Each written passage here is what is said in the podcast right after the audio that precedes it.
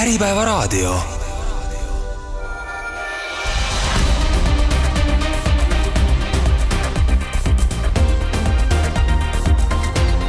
kasvupinnas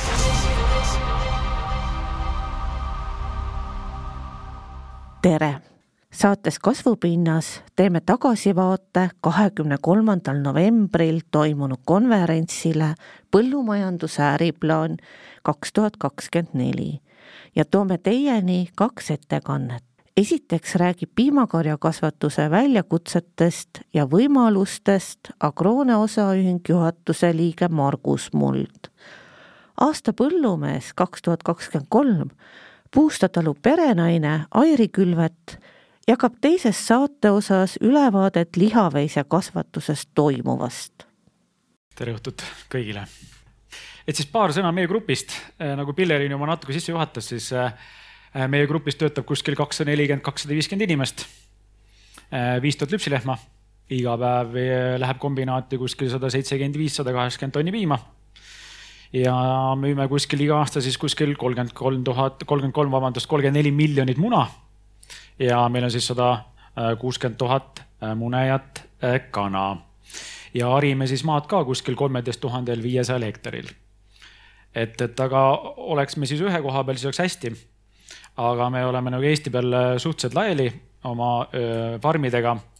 et, et kõige mm, läänepoolsem on Vändra Pärnumaal Äh, siis on äh, Hummuli on meil Tõrva lähedal Valgamaal ja siis äh, mitu firmat asuvad siis meil Põlva, Põlva ümbruses, Põlva Agro, Peri, Miiaste ja siis ka Eesti Muna. farmid on meil sellised töökorras. kõige vanem farm on meil juba siin kakskümmend pluss aastat vana. nooremad on kümme pluss vanad, et kõik on niisugused sellised töökorras, aga ei ole enam esimeses nooruses, vaid on nagu juba niisuguses keskeas aga toota saab. ja ma arvan, et milline on meie nii-öelda äh, kõige suurem väljakutse äh, piimakarja tootjatel, meil on alati siis see, et, et üks asi on need rohepöörded, mis tulevad, aga päriselt toob ikkagi meil iga päev äh, nii-öelda selle raha koju ikkagi toob piim, onju.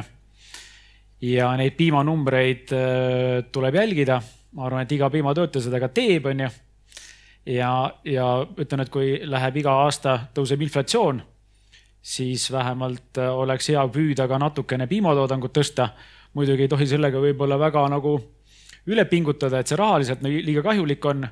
Aga muidu lihtsalt on nagu väga keeruline oma numbritega hakkama saada, onju. aga siis, et kuskil suutsime kümne kuuga ligi kaks tuhat tonni äh, rohkem kombinaati viia kui eelmisel aastal. see on siis kolm koma kaheksa protsenti kasvu selle koha pealt. et, et ja siis lehma kohta Äh, nüüd on võimalus küsimus arutada, et kas piimalehma kohta päevas äh, või siis lüpsva lehma kohta päevas, et, et põhimõtteliselt kaks, kaks-kolm protsenti suutsime seda suurendada. et see on ka võimalus, kus kindlasti tuleb arvet pidada ja vaadata, kuidas need numbrid välja jooksevad. ja teine asi, mis me kindlasti vaatame, on alati see, et, et nagu piimakaubaljuses, et palju siis on nende praakpiima olnud, et mis ei ole kombinaadikõlbulik et kas on siis äh, värskete lehmade piim äh, või siis on mingid muud probleemid äh, lehmadel, mille pärast see piim ei saa kombinaati ära minna. et, et me oleme selle küll kuulutuse ära teinud ja lehma seest ta välja lüpsnud, aga pole saanud kombinaati saata, et selliseid numbreid tuleks ka võimalikult vähendada. Ja teine siis on nii-öelda, millega ma arvan, kõik piimakarjakasvatajad ja teraviljakasvatajad ka kahekümne kolmanda aastal rinda pissime, oli siloteemad et siin on siis Agrone nii-öelda esimeses selles tulbas siin siis pool on eelarvelised numbrid, mida me planeerisime. seal üleval on näha siis ka esimene, teine, kolmas, neljas niide, tervikkoristused, palju me siis mais, heina, põhku tahtsime korjata kokku. tahtsime siis kokku saada sada viisteist tuhat tonni peaaegu ja siis esimene, esimese niite juba hakkasime tegema, siis saime aru, et see vist ei tule õieti kätte. siis tegime juuni lõpus, juulis tegime uue, uue prognoosi siin vahepeal on. et, et kui hulluks see olukord siis nagu minna võib. ja siis viimases tulbas on siis näha siis, mis siis tegelikult juhtus. et, et kui me vaatame seal ülevalt esimesest niitest kolmkümmend üks tuhat tonni tahtsime teha, kuusteist tuhat tegime, viiskümmend protsenti saime esimesest niitest kätte teisest niitest natukene rohkem, kuueteistkümnest tuhandest saime üksteist äh, kolmsada äh, kätte. ja alles kolmas niide oli siis see, mis nagu enam-vähem nagu läks eelarvega alles kokku. aga me juba tegelikult nagu, kuna me tegime selle prognoosi ette, siis me läksime nagu ka paljud Eestis läksime teravilja kallale. panime siis seitsesada kolmkümmend hektarit teravilja, mis oli päris valus nii numbriliselt kui ka põllul vaadates. panime siis ka auku silohoidlasse, saime sealt kaheksa tuhat seitsesada tonni lehmadele sööta. käisime naabrite juures, mm, vaatasime, otsisime kõik naabrid üles, kellele helistada, kellel oli mingi hernes või mingi muu kultuur. tellisime ka veel siloteenust täiesti Mm, meist kaugemal kodanikud olid lõpetanud lehmakasvatuse, silohoidlad olid alles, rohumaad olid alles, tellisime teenuse peale, tegime ära. ülikallis silo tuli, aga see tuhat nelisada tonni aitas meid jälle kindlasti jälle edasi. nii et päeva lõpuks me tegelikult tegime oma miinimumprogrammi ära äh, koos teraviljaga, mis läks auku. et, et äh, aga lehmal on vähemalt toit olemas. Äh, silo on sellel aastal päris kvaliteetne. oleme teinud analüüsid, eriti mais on see aasta kvaliteetne, et kui vaadates ka maisisaagiku, siis mais oli ainukene kultuur, mis tegelikult nii-öelda oma tonnid ära tõi. et, et mais on seal, et kui me arvasime, et tuhande ühesaja kolmekümne kahe hektari pealt vahepeal muutsime kevadel oma plaane, panime tuhat kakssada kolmkümmend üks hektarit maisi maha ja saime kolmkümmend koma viis tonni keskeltläbi hektarilt, et mais oli see kultuur, mis selle aasta sai valmis, mis andis saaki ja mille nii-öelda numbrid on väga ilusad, seeduvused ja kõik muud numbrid on väga head teravilja poolelt, nagu ma ütlesin, panime seitsesada kolmkümmend tonni, seitsesada, vabandust, seitsesada kolmkümmend hektarit panime siis äh, hoidlasse. teravilja ei saanud selle pealt. siin all on siis ka näha meie eelarvelised numbrid, et äh, teravilja pealt äh, rapsiseemet ei ole siia arvestatud, viis koma neli tonni tahtsime saada. saime seal väiksemad numbrid, mul on valem, valem valeks jäänud sinna alla. et, et aga noh, ütleme saagikadu väga ropp ei olnud Äh, saime enam-vähem hakkama, aga eelarves oli siis kakskümmend seitse, kakskümmend kaheksa tuhat tonni äh, teravilja. ja see teravili oli ülikallilt tehtud, ma ei ole kunagi oma elus nii kallist teravilja pidanud kasvatama, kui eelarvet juba tegime. Äh, kui me panime sinna oma taimekaitse, panime väetisekulud sisse, siis me oleks enam-vähem nagu nulli jäänud. kui me oleks kahekümne teise aasta saagikused ja hinnad sinna pannud, onju.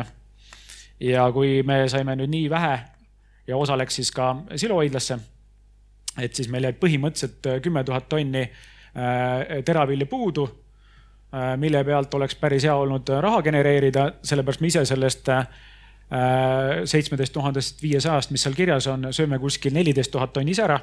meie muna, munejad kanad, lehmad. et, et müüki tegelikult jäi üliväike kogus mm ja sealt tekkis ka päris, juba on tekkinud rahavoogudesse päris korralik auk ja see auk on äh, nagu seda jämedam ja seda nagu äh, halvem, et see väetise sisend, mis sinna läks, oli päris nii-öelda äh, suure hinnaga. et eks me seda rahavooauku nüüd peame siin tükk aega lappima. teine asi, mis on piimakarja tootjale alati tähtis, on maailma piimahinnad, kuidas need lähevad siis maailmas. ülemisel graafikul siis tumedam jutt on siis maailmaturg ja roheline jutt, mis läheb vähe kõrgemale, on Euroopa Liit Äh, viis, äh, et, et äh, näha tegelikult Euroopa Liidu piima hind maailmas on päris ilus ja kõrge. ja allapoole siis graafikusse, ma iseendale meeldib vahel statistikat teha, vaata siis, mis need numbrid tulevad. see sinine jutt allpool graafikus on siis Euroopa Liit ja siis roheline jutt on Eesti. et me oleme nii-öelda suht stabiilsed kogu aeg Euroopa Liidu nii-öelda hinnast alati maas olnud ei saavuta tippe, põhjad korjame alati ära, aga tippe ei saavuta. et, et see on nagu see kurb lugu, aga noh, sellise, see reaalsus me elame. ja kui nüüd mõelda, et me kõik teeme siis nüüd täna siis nagu ennustusi, ennustusi siin teravilja osas ja igasuguste muude asjade osas, et milliseks see hind võiks olla või milliseks ta tulla saab et siis minu arust see graafik nagu tähistab väga hästi seda volatiilsust, millises maailmas me elame. et see alumine nii-öelda punktiirjoon on siis kahe tuhande kahekümnenda aasta piima hind, et siis mingi kolmkümmend kuus senti seal detsembris. Äh, sinine jutt on siis kakskümmend üks, jõudsime neljakümne ühe koma kolme peale. Äh, kahekümne teine aasta viiskümmend kaheksa koma kolm, aga see on Euroopa Liidu keskmised, see ei ole Eesti keskmine, see on Euroopa Liidu keskmine, millest me oleme kogu aeg nagu ise allpool kogu aeg, onju. ja siis kahekümne kolmanda aasta hind jookseb siis see vähe tumedam jutt siin välja, et meie õnneks on ta nüüd äh, stabiliseerunud siin viimased kolm-neli kuud jääb sinna kuskil äh, neljakümne kolme, seitsmekümne, neljakümne kolme, viiekümne vahele. et tundub, tundub võib-olla, ehk jääb see niimoodi, et see hind tundub täna, et on täna nagu põhjaks jäänud, et see võib-olla ehk on uus reaalsus. kuigi ka piima hind, kui on mingi majanduskriis, läheb täpselt samamoodi alla nagu lähevad teraviljaninnad, nagu lähevad alla äh, kütuste hinnad, me käime suhteliselt kõik need commoditite kaupadega kaasas, aga õnneks on väikene stabiliseerumine, et võib-olla võime midagi oma eelarvesse panna. aga lihtsalt see graafik on ka see, et, et kuidas äh, nii-öelda ka piimahindadesse äh, on tulnud see väga suur äh, volatiilsus, pluss veel siis teraviljahinnad, sisendite hinnad, rapsikoogid, sojad, kõik muud mineraalid, kõik, mis me lehmadele sisse ostame, on teinud ka väga suuri tõuse ja võib-olla isegi suuremaid tõuse. Et, et kui piima hinnast kolmekümne kuuest, kolmekümne seitsmest sai viiskümmend kaheksa, päris kahte korda ei suutnud tõusta, siis kui me vaatame nii-öelda söödaodra hindasid hakkab siis kahe, kahe tuhande üheksateistkümnendast aastast pihta, on ju, siin on erinevad siis nii-öelda need äh, turud äh,, kus nad siis asuvad äh, Euroopa Liidus. ja siis seal lõpupoole on siis kakskümmend kolm, et, et ja kui me vaatame, et kahe tuhande kahekümnendal oli see hind veel kuskil sada seitsekümmend, sada kaheksakümmend eurot tonn, siis kõpsti kaks tuhat kakskümmend kaks lendas ta neljasaja peale euro peale tonn, üle kahe korra lendas ülesse, piima hind ei lennanud üle kahe korra ülesse. nüüd ta tuleb samamoodi vaikselt allapoole tagasi, ei ole ka kahesaja peale jõudnud, on ka sinna kahesaja, viiesaja peale jäänud, et mul on oktoober kakskümmend kolm nii-öelda see hind, et see on kakssada midagi, kakssada kopikatega, et tuleb jälle allapoole, et tuleb jälle meile nagu lähemale ja sama siis maisihinnad mida me ka ostame oma lehmadele sisse, et samamoodi hüppasid siit kahesaja, alla kahesaja, saja viiekümne, kahesaja vahelt äh, kuskil sinna neljasaja, nelisada kopikatega isegi korra ära ja kõik hinnad tulevad uuesti alla tagasi. et lihtsalt, et selles volatiilses maailmas nii-öelda nagu ellu jääda ja õigeid otsuseid teha on suht keeruline. Äh, vahel see õnnestub, vahel ei õnnestu. et, et meil õnnestus kahekümne teisel aastal suht mõistlik hindadega väetised osta kahekümne kolmandal aastal ostsime juba nii-öelda tavahindadega, ei olnud mingit eurekat sees ja see annab nagu tunda. see nii-öelda, ma ütleksin nagu esmased nii-öelda, äh, mis nii-öelda otsest rahavoogu ja otseselt piimatootjat äh, kõigutab, millega ta saab osaliselt ise tegeleda, millega osaliselt ise ei saa tegeleda ja nüüd siis on nii-öelda nagu need tavategevusele lisaks tulevad tegevused, äh, millega me nüüd siis peame rinda pistma. See on siis need talust taldrikule strateegiad, noh, ma arvan, siin pole vaja võib-olla nüüd ükshaaval läbi käia aga kõik on sellised ambitsioonikad äh, nii-öelda eesmärgid äh, meie piimatootjate jaoks. Äh, see on üks pool, siis teine kindlasti, mis tuleb, on siis CO2 ja kogu see teema, mis sealt tuleb. et kui mahe nii-öelda mm, lihaveise kasvatus suutis öelda, et tema veis teeb miinus null koma kaks CO2, mm, ma eeldan siis liha, liha kilogrammi kohta siis kahjuks äh, ma sihukest, sihukesele tulemusele ei ole kuidagi saanud. Äh, me ei ole ise seda uuringuid teinud, kahe tuhande üheksateistkümnendast aastast teeme. algul tegi Sustinere, mm, nüüd teeb Civita meile neid äh, arvutusi meie eest. ja siis me saime omale ühe piimakilogrammi jalajäljeks siis null koma üheksakümmend kolm. ei oska kunagi öelda, on see hea või halb. Eks vaatame kohe. teine asi, et kust ta tuleb. et enamusest ta tuleb ikkagi nii-öelda lehma seedimisest ja kindlasti mitte sealt tagantotsast, nagu väga palju nii-öelda ajakirjandus on hea rääkida, aga et ta tuleb ikkagi suust lehmal välja, vatsaseedest tuleb. see annab, ütleme niimoodi, et noh, nelikümmend, null koma neli kilogrammi annab see, kõige suurem osakaaluga üldse. järgmine on ostusöödad, null koma seitseteist, sõnnikukäitlus null koma kaksteist, põlluemissioonid null koma üksteist ja siis teised asjad ja ravimid ja need äh, ei mahu üldse siia tabelisse äragi, et need on nii väikse jalajäljega. et, et äh, nemad siia tabelisse ära ei mahu. ja kuidas on meil siis läinud? siin on siis aastast äh, kaks tuhat üheksateist meie jalajälg erinevatel äh, äh, nii-öelda looma peal ära jagatuna, kus ta siis nagu on suurenenud või vähenenud. aga ma ütlen ka, et, et ega see suurenemine, vähenemine on tulnud äh, selle pealt, et me oleme oma Äh, teravilja CO2 jalajälje suhteliselt alla saanud ja selle arvestuse sisse. ja teine on kindlasti see, et, et kui lehma kohta tõsta äh, piimatoodangut, siis see taandab ka väga nii-öelda hästi selle CO2 välja. et, et lehm tahab ikkagi süüa, oma ennast elus hoida ja siis ta annab toodangut ja sealt, mida rohkem toodangut annab, seda väiksema CO2 jalajälje ta piimasse siis lehm annab. et, et see on ka nii-öelda, käivad alati need asjad käsikäes ja sama on muidugi mm, teravilja ja teravilja saagikusega. ja kui agroone jalajälg on null koma üheksakümmend kolm, siis otsis, Civita otsis meile erinevaid firma, nii-öelda maid, et me võrdleme siin muidugi ühte firmat teiste maade keskmistega, et siis tegelikult Taani on ka null koma üheksakümmend kolm, et siis me võiksime ennast nii-öelda nagu päris niisuguste ka eesrindlike maadega võrrelda, et meil ei ole sugugi halvasti ja ma ei julge öelda, et Agrone nüüd on nagu oma CO2 jalajäljelt parem või halvem kui teised. ma arvan, et kui teised ka ennast ära, ära mõõdavad, siis ma arvan, et Eesti jalajälg tegelikult kokkuvõttes ongi äh, väga äh, väike et sellest veel mingisugust kolmkümmend, nelikümmend, viiskümmend protsenti nagu veel nagu väiksemat jalajälge teha, ilma et me lehma nii-öelda ära nii-öelda lõpetaks. Äh, ütlen, et ei ole minu te tänaste teadmistega tegelikult võimalik ühe kilogrammi teravilja jalajälg oli siis kahe tuhande kahekümne teistkümnendal aastal null koma kolmkümmend seitse. ma ei julge mõeldagi, mis ta kahekümne kolmandal tuleb. et, et ta tuleb ikka jõhkralt kohe suurem, kuskil mingi kolmkümmend, nelikümmend protsenti suurem, sellepärast saaki ei olnud. et, et samamoodi nagu lehmagagi, et ta taandub väga hästi saagi peal ära kulutusi teeme sinna peale, aga saake saame vähem, see on põuale, külmale või mingil muudel tingim-, põhjustel, siis ka CO2 jalajälg kohe suureneb ja siin on ka näha, kust ta siis tuleb.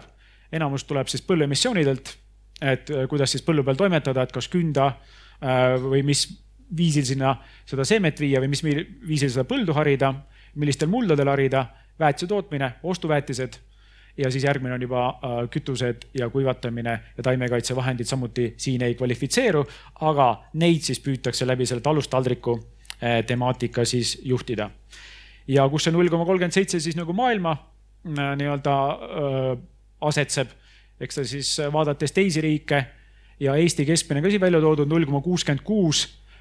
ma ei oska öelda, praegu ma tean, et ma arvan, need on suured numbrid ja suurtest nii-öelda, nii-öelda andmebaasides kokku pandud, et kui nüüd ükskord saab igaüks ise oma jalajälgi hinnata, et siis on nagu huvitav teada, mis igaühe enda jalajälg tuleb. meil on muidugi erisus see kindlasti, et me kasutame sõnnikut.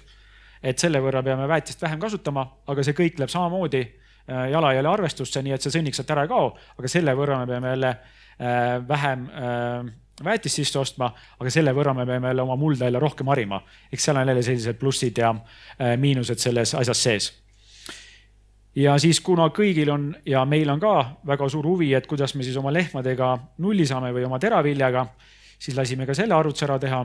see arvutus on tehtud kahekümne teise aasta, vabandust, kahekümne esimese aasta piima nii-öelda jalajälje pealt et see siis tuli kokku nii-öelda erinevate teemade pealt, siis see alumine number null koma üheksakümmend kaheksa oli tolle äh, kahekümne esimese aasta jalajälg meil siis. ja siis äh, maksime raha äh, Civitale või ükskõik mis firmas oli, et, et aru saada, et siis kuulge, mis me tegema peame, et nulli saada. null koma seitsmekümne neljani jõudsime ja siin on kaks väga tähtsat kohta sees, kus me ainult suutsime neid asju kokku hoida. see on ülemine et, et kui lehmast lenduvat metaani kokku hoida kakskümmend seitse protsenti, andis sellise väga jumeka numbri sisse ostetud söödad, kui me ei ostaks piimapulbrit nii palju sisse, see oli eraldi ka välja toodud, kuna piimapulber meie tingimustes, me ostsime seda Hollandist, tuli enamuses piimapulbrist sisse, et sealt siia onju. ja teine siis on number kuus, on siis äh, sõnnikukäitlus, et äh, kui teeksime biometaani, et, et siis me saaksime nii-öelda sõnnikuhoidlatest seda metaaniheidet väheneda, vähendada. ja ega siin nagu väga palju rohkem pole, et mineraalväetiste tootmine kasutatakse Euroopast toetatud väetisi, noh, mis täna tahes-tahtmata tuleb juba. noh, keegi või, mõni võib-olla tahab osta Venemaa omasid, me ei osta.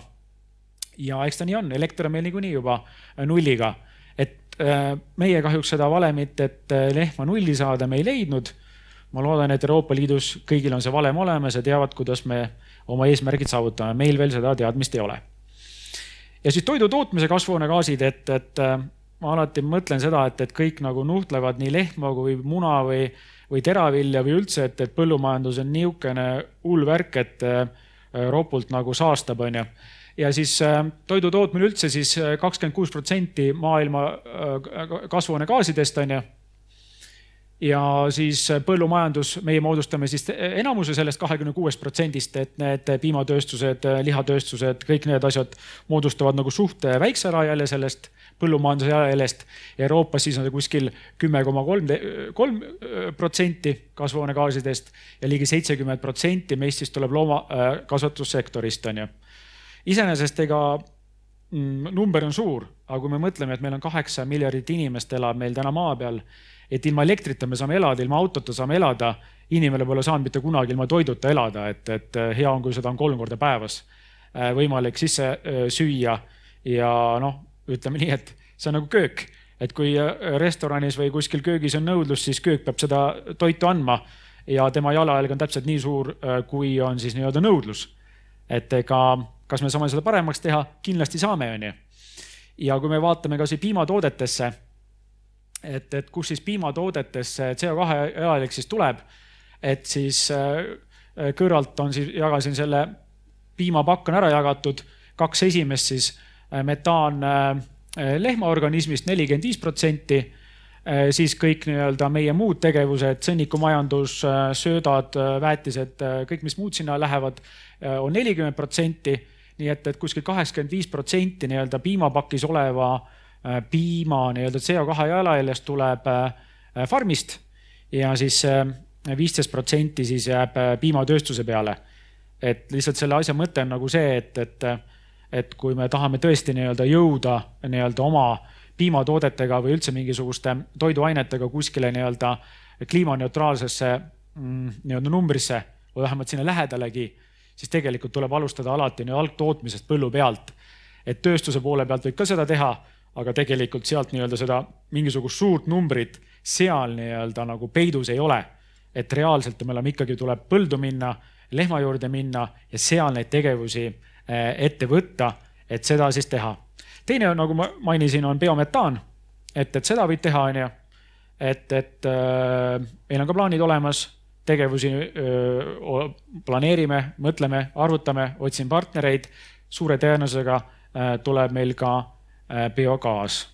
mis saame põllu peal teha? samamoodi saame erinevaid meetodeid ka põllu peal kasutada, et, et põlluemissioone vähendada vahekultuure, kõiki muid asju. ma pikemalt ei peatuks, aga on võimalik äh, ka nendega tegeleda ja tegeleme. Äh, siis ma jätsin niisuguse uhke pildi siia lõppu, et, et tänased investeeringud, millega me siis tegeleme, võtan piimast soojuse ära, noh, see ei ole ka midagi uut. Äh, püüame siis sõnnikut separeerida ja lehmadele alla panna. asi töötab, on odav, ei ole odav, aga kindlasti hoiame CO2 jalajälge kokku. püüame nüüd siin kasutada erinevaid äh, söödalisandeid, et vähendada oma CO2 heidet. ja muidugi mitte, noh, ma igaks juhuks ütlen ka ära, me ei tee seda mitte ainult sellepärast, et CO2 heidet läbi lehma vähendada, vaid me teeme sellepärast ka, et, et, et see preparaat loodetavasti aitab meil ka lohmal toitu sööta paremini seedida ja tänu sellele ka rohkem piima toota või loomal oleks tervem, äh, tervem elu, äh, pikem elu. et me ainult seal CO2 ei, ei vaata, aga see tuleb nii-öelda sellega osaliselt kaasa ja teine asi, eh, mida me teeme, et eh, katsetame täna ühte, ühtesid nii-öelda andureid, mida üks Leedu firma meile pakub. tema siis muud ei tee, kui eh, iga lüpsikoha juures on siis kromatograaf, vaatab siis nii-öelda, mõõdab ära piimatemperatuuri ja siis põhimõtteliselt lasekiirega vaatab läbi piima, onju, määrab piimaproteiini ära. ja on see masin või see seade on katsetusjärgus, katsetame, vaatame. alguses ei olnud väga palju lubav nüüd võib-olla hakkab nagu rohkem lubama juba. et, et äh, tundub, et me saame juba osadele haigustele tõesti juba ennem ligi ja saame aru, et loomal tuleb mingisugune häire ennem kui me seda kliiniliselt juba näha on. ja me suudaksime sellele juba varem reageerida. aga eks seal nagu väike tuleb dilemma, et, et kas me nii-öelda ravime siis juba nii-öelda hakkame raviga pihta, mitte küll antibiootikumid ei pea neid tingimata olema, vaid alustame ükskõik mis muu raviga loomadel juba kui arvuti näitab, aga seda, selle valideerimine veel käib ja teine asi, mille valideerimine käib ja millest võib meiesugustele nagu päris palju kasu olla, on see, et, et äh, nad püüavad võib-olla aasta lõpuks, kui neil õnnestub, ära valideerida selle seadme äh, valgu ja rasva peale ja et oleks nii-öelda sertifitseeritud mõõtmine.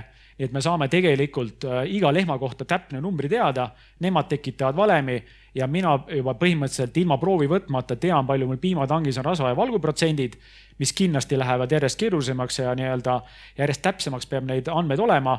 Äh, vastasel juhul äh, on meie rahakadu päris suur, kui me lähme nii-öelda järjest rohkem ja rohkem nii-öelda selle valgu ja rasva hinnastamise peale. et, et kui on mingisugune suur veri, horisontaalne piimatünn, selle saab võib ära segada, aga kui ta on tünn on vertikaalne, kolmkümmend tonni on tünnis, üks segaja on sees ja siis see rasv koguneb sinna üles ja seda segada on ülikeeruline ja me tavaliselt kaotasime alati raha et see on üks suur pluss. ja teine asi kindlasti, mis on, on kindlasti ka see, et, et me kindlasti loomakasvatus nii-öelda eesmärgid Euroopa Liidu vaates või ma arvan ka riigi vaates ei piirdu ainult CO2 või igasuguse talustaldrikute teemadega. kindlasti tuleb neid nii-öelda teemasid juurde, mida me jälgima peame, millele tuleb tähelepanu pöörata. võib-olla üks selline asi, mida me Eestis võib-olla väga palju veel ei tea, aga mujal on juba täitsa teemas, see on siis lämmastik on ju, läbi lehma, et palju me siis lehmale proteiini söödame, palju siis tagantotsast välja tuleb, palju siis põllu peale läheb et, et äh, väga paljudes riikides selle üle juba arvestust peetakse. selle üle käivad diskussioonid, selle üle käivad juba piirangute seadmised. et, et vaatame, me jõuame ükskord sinna, et see alguse pool, see piima tootmine ja teravilja tootmine ja silo tootmine ja töötajatega tegelemine, investeeringute tegemine igasugused äh, keskkonnaalased teadmised ja kõik need muud asjad, need peavad meil niikuinii olemas olema. ja nüüd me äh, tegeleme ka siin nende uute teemadega, mis siis nagu kogu aeg peale tulevad, et iseenesest on huvitav, aga eks ressurssi läheb nagu hästi palju. Äh, teemasid on palju, tuleb ise õppida, äh, tuleb koos ametnikega õppida, kes seda teemat peavad meile nii-öelda äh, seadustesse kirjutama ja vaatame nüüd, täna on see kliimaseadus joonistamisel. et vaatame, kuidas siis see põllumajandus või meie pool sinna sisse läheb. millised reeglistik sinna sisse läheb. loodetavasti me sealt mingisugust suuremat nii-öelda kohustuse, kohustuse hulka või mingisugust nii-öelda tasude hulka endale ei saa. aga eks näha ole, eks meil tuleb endi eest seista, et ega keegi meie eest ei seisa. et tuleb oma hääl kuuldavaks teha erinevates komisjonides, äh, erinevatel viisidel. ainult nii me saame oma hääle kuuldavaks teha ja jõuda nii kaugele, et äh, meil mingeid ebamõistlikke kohustusi ja, ja, ja mingeid tingimusi meile selga ei pandaks. aga aitäh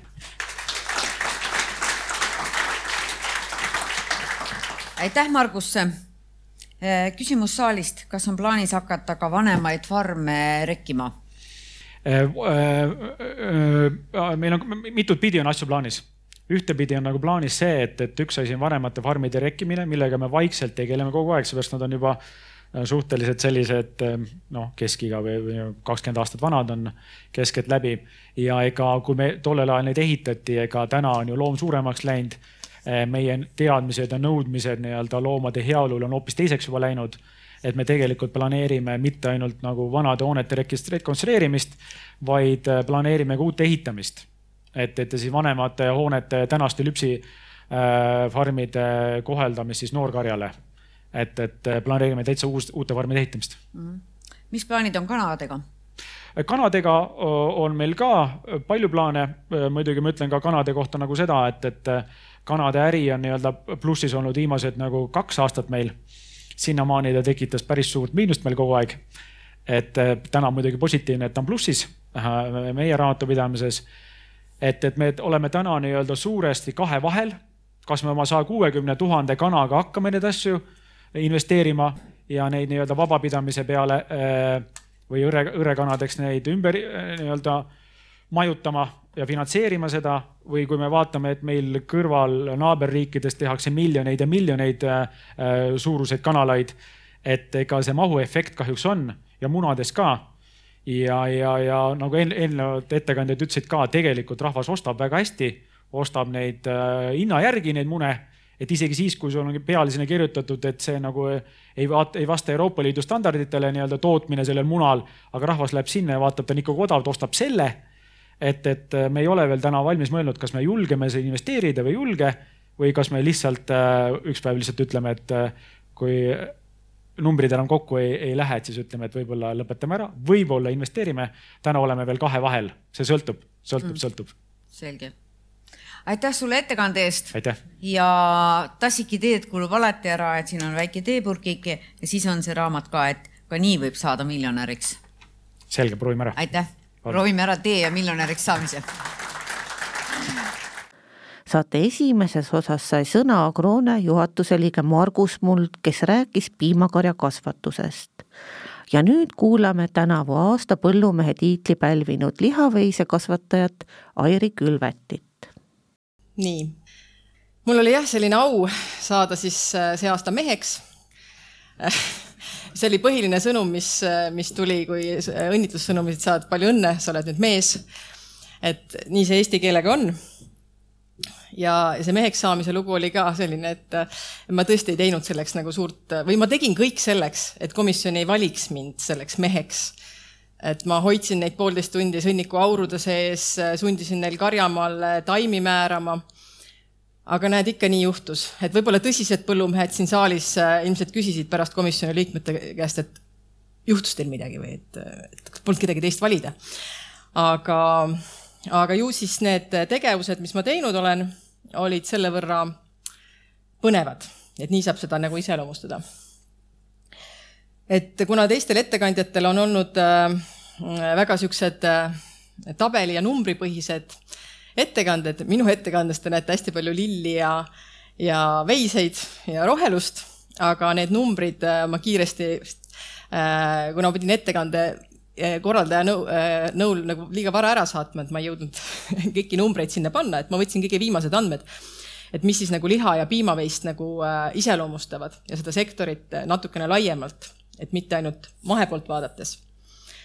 siis äh, arvuliselt äh, on meil, kui ma võrdlen kaks tuhat kahtekümmend kahte ja kahtekümmend kolme, võtsingi ilusti novembrikuu äh,, siis meil on äh, praegu niimoodi, et kahjuks nagu te kõik teate, eks ole, mõlemad sektorid loomade arvu suhtes on languses.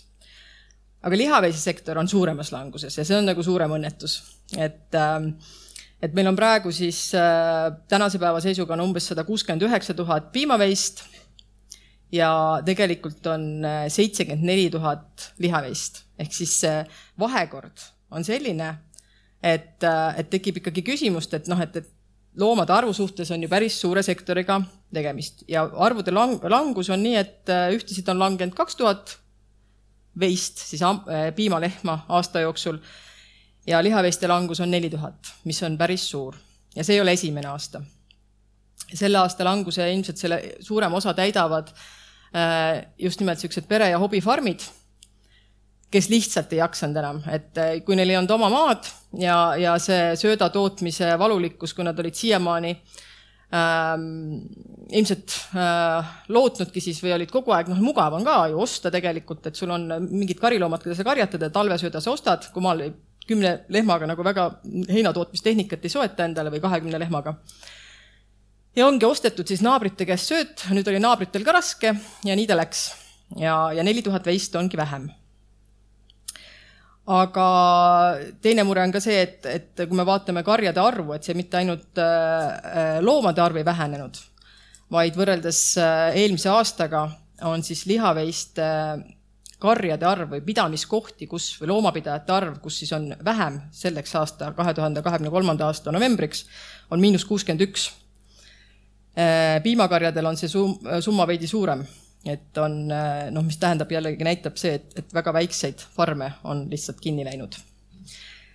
aga see on, see on niisugune üldine vaade. et, et edasi ma räägiks natukene lõbusamast teemast või, või sellest, mis on lootustandmed. et lihaveiste koha pealt ja ma ei saa ka jätta ütlemata, tegelikult ka piimaveiste koha pealt on meie tingimustes võimalused tohutud, võrreldes nüüd siis Lõuna-Euroopaga et see ressurss, mida meil kasutada on, needsamad püsirohumad, mida praegu siiamaani veel purustatakse, äh, veel taastamata pärandniidud, juba taastatud pärandniidud on jätkuvalt väga palju. et siin on ju piimatootjad, kellel on neid, äh, võiks öelda, ikka sadu ja võib-olla mõned tuhandedki hektarid. ja mis see kõige suurem väljakutse meie tootjatel on, mis ei ole, ma loodan, et imest-, ei iseloomusta ainult lihaveisekasvatajaid, äh, on siiski nagu teadmiste puudus. et äh, et kuidas, äh, kuidas seda liha toota nii, et sa oled majanduslikult jätkusuutlik ja suudad ka vastu panna siis sellele keskkonna nii-öelda nõuete survele, mis lihaveise seisukohalt tegelikult äh, ei ole üldse mingi probleem. et ma kohe selgitan, et et ma saan aru, et ma lähen vastuollu natuke enamusega, kes siin saalis istuvad, kui räägitakse investeeringutest, sisenditest, betoonist siis minu soovitus ja minu enda nii-öelda kogemuslik pool on see, et, et paraku see nii on, et lihaveisekasvatuses, mida vähem sa investeerid äh, siis sellisesse raskesse betooni ja sisenditesse, seda kasumlikum sa oled. mis ei tähenda seda, et see liha, mida sa toodad, oleks kuidagimoodi ebakvaliteetne. aga äh, et me oleme sellises olukorras, kus äh, õpikuid ei ole ja need, mis on, ja niikuinii ei päde enam. et ma pean siin silmas nagu rohumaveise kasvatust ja me, ma siin ütleks ka, et ma loodan, et meid on rohkem, ehk siis mina kindlasti ja veel, veel, kes, kes suudavad seda teha. me toimetamegi lihaveise kasvatuse puhul teadmistel, mis põhineb ökosüsteemi toimimise põhialustel. ja, ja praegusel juhul, kui me vaatame seda üldist loomade arvu, siis ma ei tea, kui palju teist teab, et kui palju oli tuhat üheksasada kolmkümmend kaheksa, ütleme tuhat üheksasada kakskümmend kaheksa kuni kolmkümmend kaheksa kui palju oli veiseid või ütleme niimoodi, ärme ütle veiseid, ütleme, et palju oli karjatatavaid loomi Eestimaal. see oli umbes üks koma kuus miljonit. muidugi võib öelda, et noh, et need olidki siuksed äh, loomad, kes, äh, äh, kes andsid kaks liitrit, no võib-olla natuke rohkem piima päevas. ja, ja lambad olid ka sellised, mida äh, olid ju, vanasti kasvatati ka lambaid nii, et äh, et äh, ei kasvatatudki enam uttesid enam alati mitte tallede pärast vaid äh, öeldi, et iga lammas peab kaks korda aastas käima jalgade vahelt läbi. ehk siis lambakasvatuse puhul oli ka, oli ka vilja saamine, oli niisugune oluline protsess, aga see üks koma kuus miljonit karjatatavat looma, tuhat üheksasada kakskümmend kaheksa kuni kolmkümmend kaheksa suurusjärk, on see, kes tagasid meie põllumaade praeguse viljakuse. nii see on üks kolmandik sellest äh, äh, maast on niikuinii kadunud, need on nüüd need, mida, mida siis võib-olla isegi rohkem kui üks kolmandik Äh, mis on niisuguses segases seisus, mida, mida ühtepidi kaitsvad, kaitsevad metsakaitsjad, teistpidi nimetatakse siis jälle seda raadamiseks, ehk see sinnasamma alla lähevad need pärandkooslused ja pärandniidud. et kõik oli ju karjatatud, metsades ka karjatati. ja, ja ma arvan, meie põllumullad siiamaani veel osaliselt elavad sellest, sellest nii-öelda selle ühe koma kuue miljoni karilooma jalajälgedest. mis näitab seda, et tegelikult neid loomi on meil väga vaja et meie, meie see mullaviljakus äh, äh, säiliks ja oleks jätkusuutlik. et me võime rääkida äh, väetistest, aga selles vasõnnikus on midagi sellist, mis on rohkem kui MPK, ehk siis need on need otsesed kontaktid, mida mulla mikrobioloogias on vaja, et seal oleks sellist orgaanilist ainet, mis tuleb siis selle karjatava, karjatatava rohumaa rohumaal kasvanud looma seest. eriti hea on see, kui ta kukub otse sinna. natuke halvem on see, kui ta on, läheb sinna väikse viipega. ja nagu on öeldud, siis et mahe ja karjatamispõhine äh, liha tootmine täidab lihtsalt nii palju mitut rohkemat eesmärki, kui, kui on see, et äh, mis on siis selle ettevõtte aastakäive, kasum või mõni muu kasumlikkus et kui ennem siin pangad mm, äh, rääkisid sellest ilusti, et noh, et, et piima, noh, kõik nii-öelda suurtootjad peavad ka mõtlema siis selle jätkusuutlikkuse pärast, muidu te pärast lihtsalt enam ühel hetkel ei saa laenu äh,. ja, ja millega siis te nagu hindate seda või millega praegu nagu hinnat, hindat, hinnat, hinnatakse seda põhilist asja, on noh, et väga lihtne asi, mis ei ole üldse lihtne, on sinu farmi süsiniku jalajälg. et see on nii kaua on see umbmäärane, kui see mõnel farmil siis see reaalselt ära mõõdetakse no meil Eestis on mõni farm, kellel see on ära mõõdetud, mõni suurem, mõni väiksem. et äh, mahelihaveistel mm, ja tavalihaveistel tehti see uuring kaks tuhat kakskümmend üks, Sustineere, see ripub üleval Lihafoori äh, kodulehel, on siis äh, mahedate ja mittemahedate, ühesõnaga rohumaa põhiliste lihaveiste ja lammaste olelusringi uuring, kus on siis kõiki tollesel nii-öelda uuemaid variante vaadatud kogu olelusringi ja minu farm oli üks nende seast. ja seal tulemus oli selline, et, ähm, et mahe, mahelihaveis, ühe kilogrammi kliimamõju koos süsiniku sidumisega mulda on miinus kaks süsiniku ekvivalenti. ehk siis me ei ole mitte süsinikneutraalsed, vaid negatiivsed. ehk siis lihaveise kasvatus reaalselt, kui seda õieti teha, äh, äh, on tegelikult nagu neutraliseerib siis seda põllumajanduse muud mõju, et see on nagu mõttekoht äh, piimafarmidele kes ühel hetkel noh, nagu ütleme, peame selle asjaga tegelema.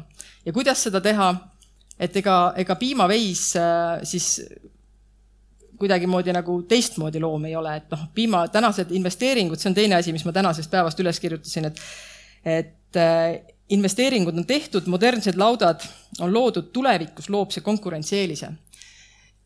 see ei pruugi nii päriselt olla, sest modernsed laudad on kohati sellised, kus, kui me vaatame tulevikku ja öeldakse, et aa, aga karjatage, siis seal ei ole võimalik. isegi kui tahaks aga samas ma mõtlen seda, et noh, kõikidel piimatootjatel on olemas ju noorkari. et see on üks võimalus, ähm, võimalus siis nii-öelda neid taas integreerida, neid loomi äh, siis oma põllumaadesse. ja vaadates, kuidas liigub siis muu Euroopa trend, siis seda ikkagi tehakse ka.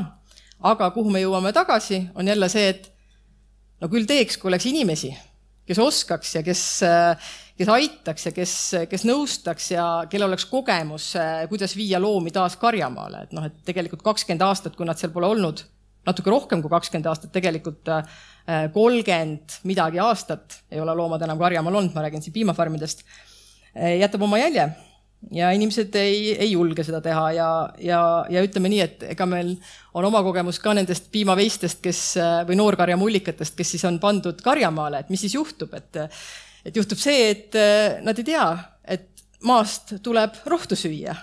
et tal nii mitu põlvkonda on loom olnud betooni peal, söönud täisratsioonilist sööta erineval viisil, et see kogemus puudub.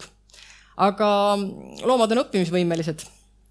Piisas sellest, et kui meie siis selle katsetusse noorkarjaloomad pärandniidule äh, tuli panna paar ammlehma ja läkski pool päeva, kui sai selgeks, et eh, kuidas siis rohusöömine käib ja need piimakarjamullikad olid nagu äh, siis selle farmeri sõnul nagu parimad, et, et noh, näiteks üks nii-öelda endast lugupidav lihaveis ei söö täiskasvanud roogu äh,. aga need noored piimamullikad seda tegid. et äh,, et lihtsalt ma ütlen, et, et ei tasu nagu lähtuda sellest, et lihaveisekasvatus on nagu hobibusiness või et väike ja, ja aga ta on ikkagi üks variant oma nii-öelda sellesama farmi, kui laialt vaadates kogu seda jalajälge viia süsinikneutraalseks ja teha tegelikult väga head oma, oma mullale. et äh, mina olen eraldi tegelenud äh,, ma loodan, et Pillerin siis koputab ja ütleb mulle, et, et kaks minutit ja siis tuleb lõpetada, eks. Et kui ajaliselt ma, see peaasi läks siia tulema. aeg jookseb ekraanil. aa, kus, kus, kus, aa aa, väga hea, väga hea, aitäh, valet ekraani vaatasin. et ähm, mina olen tegelenud eraldi siis intensiivsemalt oma selles äh, rohumaveise kasvatuses just sellise, et vaadata, et kuidas siis nagu noh, kui sa kasvatad mingit looma ja seda on ka jutust läbi käinud, et, et paljud lihaveisekasvatajate põhiprobleem on see, et nad ise ei söö oma veiseliha et see on nagu, see on sama jabur nagu äh,, nagu, et see ei ole küll minu mõeldud välja, aga et see on sama jabur, jabur, kui me oleme veinikasvataja, toodame, toodame maailma parimat veini, aga ise seda ei maitse. et, et lihaveisekasvatajad peaksid ka ise sööma seda, mida nad toodavad. ja kui me oleme nagu ikka siin nii-öelda lihaveisekasvatajad käinud mööda maailma ringi ja avastanud, et viimasel ajal äh, on nagu põhiprobleem on see, et kui me käime kuskil söömas väljaspool oma farmi siis on raske saada head liha. ja, ja sealt tulebki see, et tegelikult meie Eesti tingimustes karjatatud loomade eh, liha kvaliteet on ülikõrge. ja see tulebki sellest, et sellist liigilist koosseisu nagu Eesti pärandniitudel, pärandniit on, niit on endine poollooduslik kooslus, tegelikult ükskõik milline liigirikas püsirohumaa sobib selleks, eh, et eh, seal kasvanud liha maitse eristub selgelt. ta on väga hea. ja mitte ainult maitses pole küsimus, vaid äh, kui äh, kariloomad, et see on üks kaks tuhat kakskümmend üks aasta avaldatud artikkel, mis on nagu väga-väga põhjalikult kokku võtnud väga pika aja ja, ja räägibki siis sellest punase liha tarbimise mõjust inimese tervisele ja toob välja ka seda, et kui me siiamaani oleme rääkinud ainult oomega kolm rasvhappest ja CLA-st, siis tegelikult äh, äh, heal karjatamisalal äh, karjatatud loomade liha, lihas on palju, palju muudki, mis, äh, mis on ka nii-öelda pärislik, päriselt tervislik, väga hea turundusartikkel. ehk siis äh, väga niisugused tervisesõbralikud fütokemikaalid ja, ja antioksüdandid, mis meditsiiniharidusega inimestele ütlevad nagu nii mõndagi et äh, meie loomade lihas see on.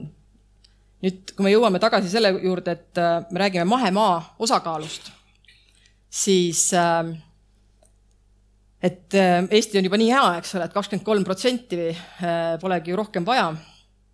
aga et noh, toodangut ei ole, siis tegelikkuses see toodang lihtsalt ei jõua lettidele. et on nagu arusaam, et need poollooduslikult koosluses söönud loomad, et noh, need on niisama seal, et need ei kõlbagi süüa. Nendega tegelikult ei ole tegeletud ka eriti. väga palju pärandniitudel karjatajad ei olnud nagu põhimõtteliselt lihaveisekasvatajad. nagu ikka on see niimoodi läinud. ja, ja, ja nüüd alles hakkavad siis põlistelt pärandniitudelt tulema veised, veiselihaga meile Liivimaa lihaveisesse, mis on teine asi, millega ma tegelenud olen põhjalikult, eks. et, et väga palju väga väärtuslikku liha lihtsalt ei jõua nagu selle õige nimega meile lauale, lihtsalt ka sellel põhjusel jälle, et meil on vähe teadmisi, me ei oska neid roo-, loomi äh, rohumaal lõpuni nuumata. lihtsam on äh, müüa nad ära võõrutusealistena Türki, Poola äh,, issand kus nad lähevad Hispaaniasse. ja seal nad lähevad luumafarmi ja ongi kõik, et see väärtalgus nagu ei ole, ei ole enam teema. aga just seesama fütokemikaalid ja, ja loomade karjatamine on, on selline asi, et, et äh, mida on tähele pandud ka muidugi, äh, kui on praegu niisugune tõusev trend, mida kõik teavad, on vahekultuurid, eks, et, äh, et kui räägitakse taastuvast põllumajandusest, siis, siis tihtipeale jääb arusaama, et aga ma panin vahekultuurid maha kahe teravilja vahele ja, ja ma olengi nüüd taastav põllumees et äh, sealt saab natuke maadik edasi minna ja seal on, see on ainult üks, üks kümnest põhimõttest. aga vahekultuuridel karjatamine on, on mujal maailmas, noh küll põhiliselt tehakse seda lammastega, sest see on lihtsam. aga selline äh, koostöövorm on olemas. et, äh, et teraviljakasvataja kasvatab vahekultuure siis tal on kokkulepe lamba või veisekasvatajaga, kes toob siis oma veised teatud perioodiks sinna vahekultuuridele et veised söövad need vahekultuurid veel ära ja väetavad otse siis seda mulda. ja, ja, ja on leitud seos siis looma vatsas olevate mikroobide eh, DNA-l ja siis mullamikroobide DNA-l, ehk ühesõnaga see, mida muld vajab, on tegelikult see, mis otse lehmasest tuleb, mida ka sõnnikuna ei saa anda. et see on niisugune hea näide, mis, mis Eestis võiks ka ühel hetkel ikkagi toimima hakata, sest et on arusaadav, meil on nii teraviljakasvatus, piimakasvatus ja lihaveisekasvatus on nagu eraldi sektorid, eraldi ettevõtted sageli. aga, ja tundub nii õudne hakata jälle millegi, noh, väga paljud on lihaveistest loobunud, äh, farmeritel on arusaam, et äh, see on, see on teema, mis raiskab raha, kui sa võtad selle ainult selle liha hinna sisse. lihahinnad on muidugi väga muutunud vahepeal, ma võiks öelda, et tegelikult on lausa kahekordistunud.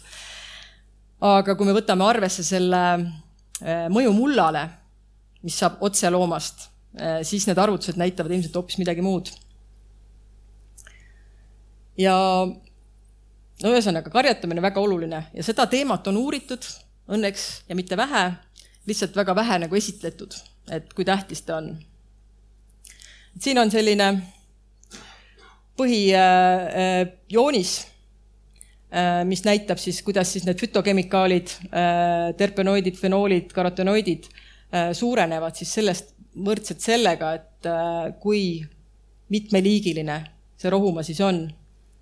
et kõige vähem on neid äh, siis täisratsioonilisel jõusöödal. keskel, keskel on niisugune Iirimaa kultuur ja natuke Eesti ka, meil on ka kahjuks need karjamaa kultuurid läinud selliseks noh, kaks liiki, mitte rohkem. lutsern ja midagi veel iirlased see-eest ikka paugutavad seal päris nagu raiheina peal ainult, et sellest on ikkagi parem meil. aga, aga kui ühel hetkel, kui hakatakse nagu päriselt nagu selle sama tooraine tervislikkusest rääkima, siis ei ole nagu äh, hilja mõelda selle peale, et, et ka mulla tervisele mõjub väga hästi, kui liike on rohkem. ehk siis see, mis toimub seal kamara all, on väga oluline. infomüra et see on tõesti tohutu, eriti äh, äh, noh, hirm tulebki peale, et kui ennast ma tunnen enam-vähem olevat kursis põllumajandusvaldkonnaga, loomakasvatusega veidi rohkem kui teraviljakasvatusega ja mõnevõrra ka metsandusega, kuna ma olen äh, enne põllumajandusharidust oli siis mul on mul ka lõpetatud metsnikuna Luua metsanduskool aastatel, kui räägiti väga palju püsimetsandusest, aga mitte selle nime all, vaid see viis, kuidas seda metsandust õpetati. Ja kui ma praegu vaatan, mis toimub metsanduses, äh, milline vastandumine ja täiesti arusaamatu sihuke möll, et et, et põllumajanduses on see sageli nii, natukene küll leebemas vormis, et, et, et ühed päästavad maailma ja teised äh, raiskavad seda, et, et väga palju infomüra on. tegelikult kõigil meil on üks tahtmine ikkagi, et äh, me tahame, et seda maad oleks ka järeltulevatele põlvedele üle anda. Et me ei, me ei saa vaadata nagu viie aasta perspektiivis põllumajandustootmist või kümne aasta perspektiivis. et äh, seetõttu ma ikkagi julgustaks nagu mahetootmise peale mõtlema positiivselt, tegelikult on uuringud Saksamaal näidanud, et ühel hetkel, äh, kui me vaatame kulusid ja tulusid ja kui mahetootjal on kasutada loomad, siis, äh, siis see saagikus ei ole erinev tavatootjast. Aga sisendeid ostab vähem et, et sisenditootjatele see kindlasti ei meeldi aga, ja kui siin oli ennem kõlas läbi äh,, mulle jäi see lihtsalt nii hästi meelde minule kui mahetootjale, et glüfosaadi ralli. ma saan aru, et see oli küll hinna mõttes äh, pandud sinna peale, et ma ei näinud nagu seda kogust. siis äh, see on üks tore sihuke komponent põllumajanduses nii kaua, kui te ei leia seda enda kaevuveest. et noh, ma usun, et paljud teist on, kes on eriti piimatootjad, on oma kaevuveest, kaevuvett analüüsinud korralikult. aga kas te selle glüfosaadi taseme ka sealt ära mõõtsite? ilmselt mitte, sest see on täiesti eraldi analüüs, maksab sada kaheksakümmend eurot või oli sada kakskümmend eurot. et äh, meie innovatsiooniklastri raames tegime seda ähm, kaheksast farmist, kaheksast mahefarmist kahel äh, leiti tõesti arvestatav glüfosaadi jääk kaevuvees seal ei olnud isegi mitte lähedal naabreid, äh, et see, kuidas veesooned liiguvad et, et siis see paneb mõtlema ja, ja kas, kas ikkagi nagu keedad seda teed nii hea meelega siis oma kaevuveest. et veel on sisendiintensiivne põllumajandus, et see on selline mõiste, mida eesti keeles väga palju ilmselt kasutatud ei ole. et, et kellele see põllumehe sissetulek läheb? Kas see läheb põllumehele endale või läheb ringiga siis sisendimüüjale? palun vabandust, siin on neid hästi palju siin. aga mina olen ja kellele lähevad toetused, et toetustest, et rääkida seda ala, et meile antakse vähe toetusi. Ehm, ma ei näe selle üldse nagu põhjust, et äh, sellepärast, et toetused mõjutavad põllumeest nii palju, kui see maa on tema omandis. aga me kuulsime ju pankade käest, et kaua läheb aega nagu ühe hektari maa ostmisel nii-öelda laenuga tagasimaksel, siis, siis äh, toetused on ilusti jagatud ära äh, nende vahel, kes on tegelikult maaomanikud, kui see ei ole põllumees, siis ta niikuinii neid toetusi ei saa omale, eks, et ja lihaveisekasvatajal võivadki siin olla eelised, äh, kuna ta saab olla kasumlik äh, ka väiksema maakogusega ja tegelikult needsamad pärandniidud, et see potentsiaal on ikkagi noh, seal on ka pidevalt nagu vähemuses oleme meie, et, et taastamata pärandniite on väga palju, sellepärast lihtsalt ei ole soovijaid ja huvilisi. Äh, kuna see ongi raske töö ja see nõuab niisuguseid natuke rohkem teadmisi karjatamisest kui tavalisel Äh, Kopli viisil karjatamisel. aga see on üks, ähm, üks niisugune põhiasi, mis, mis tasuks nagu meeles pidada. et äh, lahendused meie probleemidele põllumajandusest ei tule kastist, kotist või pudelist, et need tulevad meie juhtimistavadest ja praktikatest. et see on, põllumehel on nagu õudne lootus ja minul ka lihaveisekasvatajana, äh, kui me tegime ühte katset, kus me töötasime välja siis äh, rohumaa segu, mis peaks olema ühtepidi pikaajaline, teistpidi eh, rasva, rasvaliha veise lihasse saama ja nii edasi. aga, aga tegelikult on see, et, et ükski segu ei tee seda, et tegelikult sinu, sinu nii-öelda karjatamispraktikad töötavad ja sinu loomad lähevad ilusaks ja rasvaseks, kui sinu teadmised on piisavad. et, ähm, et farmi juhtimisvõtted on tegelikult põhine elu, edu tagatis, et sinna ei ole midagi teha et seda, seda tegelikult näeb ju siin piimaveises või, või suurtes teraviljafarmides äh, täpselt samamoodi. aga minu aeg saab otsa kahjuks, et äh,. Airi, sul on viis minutit aega. okei okay,, väga hea. et selle viis minutit on see öelda, et, et mis takistab sageli olla lihaveisekasvatajal olla kasumlik. et see muidugi kehtib absoluutselt ükskõik mis ettevõtluse kohta, aga see oli ühest, ühelt mehhiklaselt oli tsitaat, et äh, seitse kõige kallimat sõna äh, veisekasvatuse business'is on, et me oleme alati seda niimoodi teinud. et äh, uuenduste mitte vastuvõtmine ja, ja, ja, ja noh, ma lihaveisekasvatuse puhul küsin alati, et aga mida te olete alati niimoodi teinud, et noh, lihaveisekasvatus Eestis on ju millest me räägime, et mitu aastat see on toimunud, et, et kas me räägime sellest, et kuidas veised loomuomased kasvavad või sellest, kuidas teie olete viimased kümme aastat oma veiseid kasvatanud, et, et need on väga kulukad sõnad. et tasub, tasub vaadata nagu avatuma pilguga ja, ja tegeleda, tegeleda selliste asjadega, et siin ma lihtsalt, nagu ma ütlesin, liblikad ja lilled, et see on minu farmis kasvanud vägju liha, nii eks, et äh, seal ei ole grammigi teravilja söödetud. ma tegelen rohumaveise kasvatusega. ja see Wagyu ehk siis Jaapani tõuguse maailma nii-öelda kõige kallima lihaga veis on äh, nuumatud siis äh, Jõgevamaa pärandniitudel. ja see on võimalik, et, et kõik need müüdid, müüte on tore nagu selles mõttes purustada, et et kui me teadsime, et kuidas vägjusid kasvatatakse, et ta peab kindlasti saama teravilja, ta ei tohi liikuda, sest muidu marmorit ei tule liha vahele. ja teda tuleb õllega, äh, õlut joota ja riisiluuaga masseerida. et ähm, no ma ei tea, et rohkem sinna rasva ei mahu, eks, et, äh, et, äh, et ma ei jootnud tal õlut, et ma, ma ise ka, noh, ma joon küll õlut, aga, aga ma ei, ma ei, ei, ei leia, et selleks peab nagu raiskama raha, et et tegelikult on see kõik nagu selline mm, äh, tuleb nagu olla avatud mõtlemisega ja vaadata ja korjata, noppida üles need, mis on sinu võimalused. et äh, ja mina näen, et kuigi räägitakse siin Nokia leidmisest, aga Nokia on muutunud selliseks, et ei see Nokia kummik ole hea ega see Nokia rehv pole ka õieti hea ja, ja Nokia telefon ka vist on nagu unustatud, et, et ma ei tea, mida me otsime, aga, aga noh, põhimõtteliselt Eesti tingimustes, üldse tegelikult me võtame Baltikumi tingimustes Äh, rohumaal kvaliteetse liha ja niisuguse lisandväärtusega liha, tervislikku, mida saab tõendada, tervislikku liha kasvatus on tegelikult meie niisugune nii-öelda väga-väga suur võimalus. aga aitäh!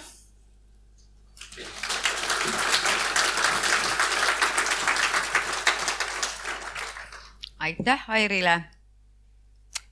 ma küsin, kas on saalist äh, kommentaari või küsimust, sest minu arust see ettevõtlus ja tootmine ja nii äh, oma loo rääkimine, et äh, tõesti tubli ja sa oled teinud seda aastakümneid seal ja, ja ma näen, et sinu optimism ja usk järjest tõuseb, et see on nagu väga-väga äge. ja kindlasti ei saa olema see massiline, et Eesti saabki olema ainult äh, antud loomakasvataja, aga, aga kindlasti neid mahub siia veel oluliselt rohkem. kas on saalist küsimusi? Mina küsin provotseeriva küsimuse siis. et meil oli täna väga maitsev lõuna ja laual oli see Uruguay veis. et äh, mis sa arvad, et äh, kas see on ainult selle varustatuse kindluse küsimus, et miks ei võta toitlustuskohad eestimaist veist, on see kvaliteet või on see hind? ma arvan, et see on praegusel juhul äh, mina seda ei, ma ei söö tundmatu veiseliha, eks, et äh, kui ma tean, kust see pärit on, siis ma võtan seda, aga aga see on praegusel juhul, ma arvan, hinna küsimus, sellepärast et äh, samas see oli nagu mingi hautise teema seal, et see ei olnud üldse nagu isegi, isegi mitte kallis lihatükk. et selle oleks saanud küll eestimais osta, palun vabandust et, et ei, aga, aga ma, ma ei, ma ikka saan öelda, et äh, Liivimaa lihaveis on teinud äh,, mul jäi see lause ütlemata, et, et kui räägitakse veiseliha äh, söömise vähenemisest ja nii edasi, siis äh, siis äh, ma lasen ikka aeg-ajalt oma heal koostööpartneril Markol võtta välja siis, et äh, kuidas siis müük läheb jaes. ja, ja kui ühes tuntud jaeketis on veiseliha müük vähenenud äh, neli protsenti, aga Liivimaa lihaveise müük on tõusnud neli protsenti. et, et see on, hästi läheb. et lihtsalt noh, mõnikord on lihtsamad vastupanuteed, kui ostetakse liha no sina teadupoolest ei lähe kunagi lihtsamat vastupanu teed. ei, ei, ei, mõtlen seda et see on tõesti, äh, see on, see on imeline vaadata, kuidas sa oma loomadest hoolid ja, ja kuidas sa väärtustad ja kui uhkusega sa oled seda asja vedanud. et äh, täname soovime sulle jõudu ja siin sees on ikkagi see raamat ka, et usk ikka sureb viimasena, et kuidas saada miljonäriks ma loodan, et see aeg tuleb ka kunagi rohumaadele. aitäh sulle, Airi. tänane kasvupinnas keskendus veisekasvatusele. veel kord suured tänud nii Margus Mullale kui Airi Külvetile esinemast ja oma tegemistest rääkimast. mina olen Äripäeva teemaveebi põllumajanduse juht Meelika-Sander Sõrmus ja saate kajastuse leiate just sealtsamast teemaveebist. aitäh kuulamast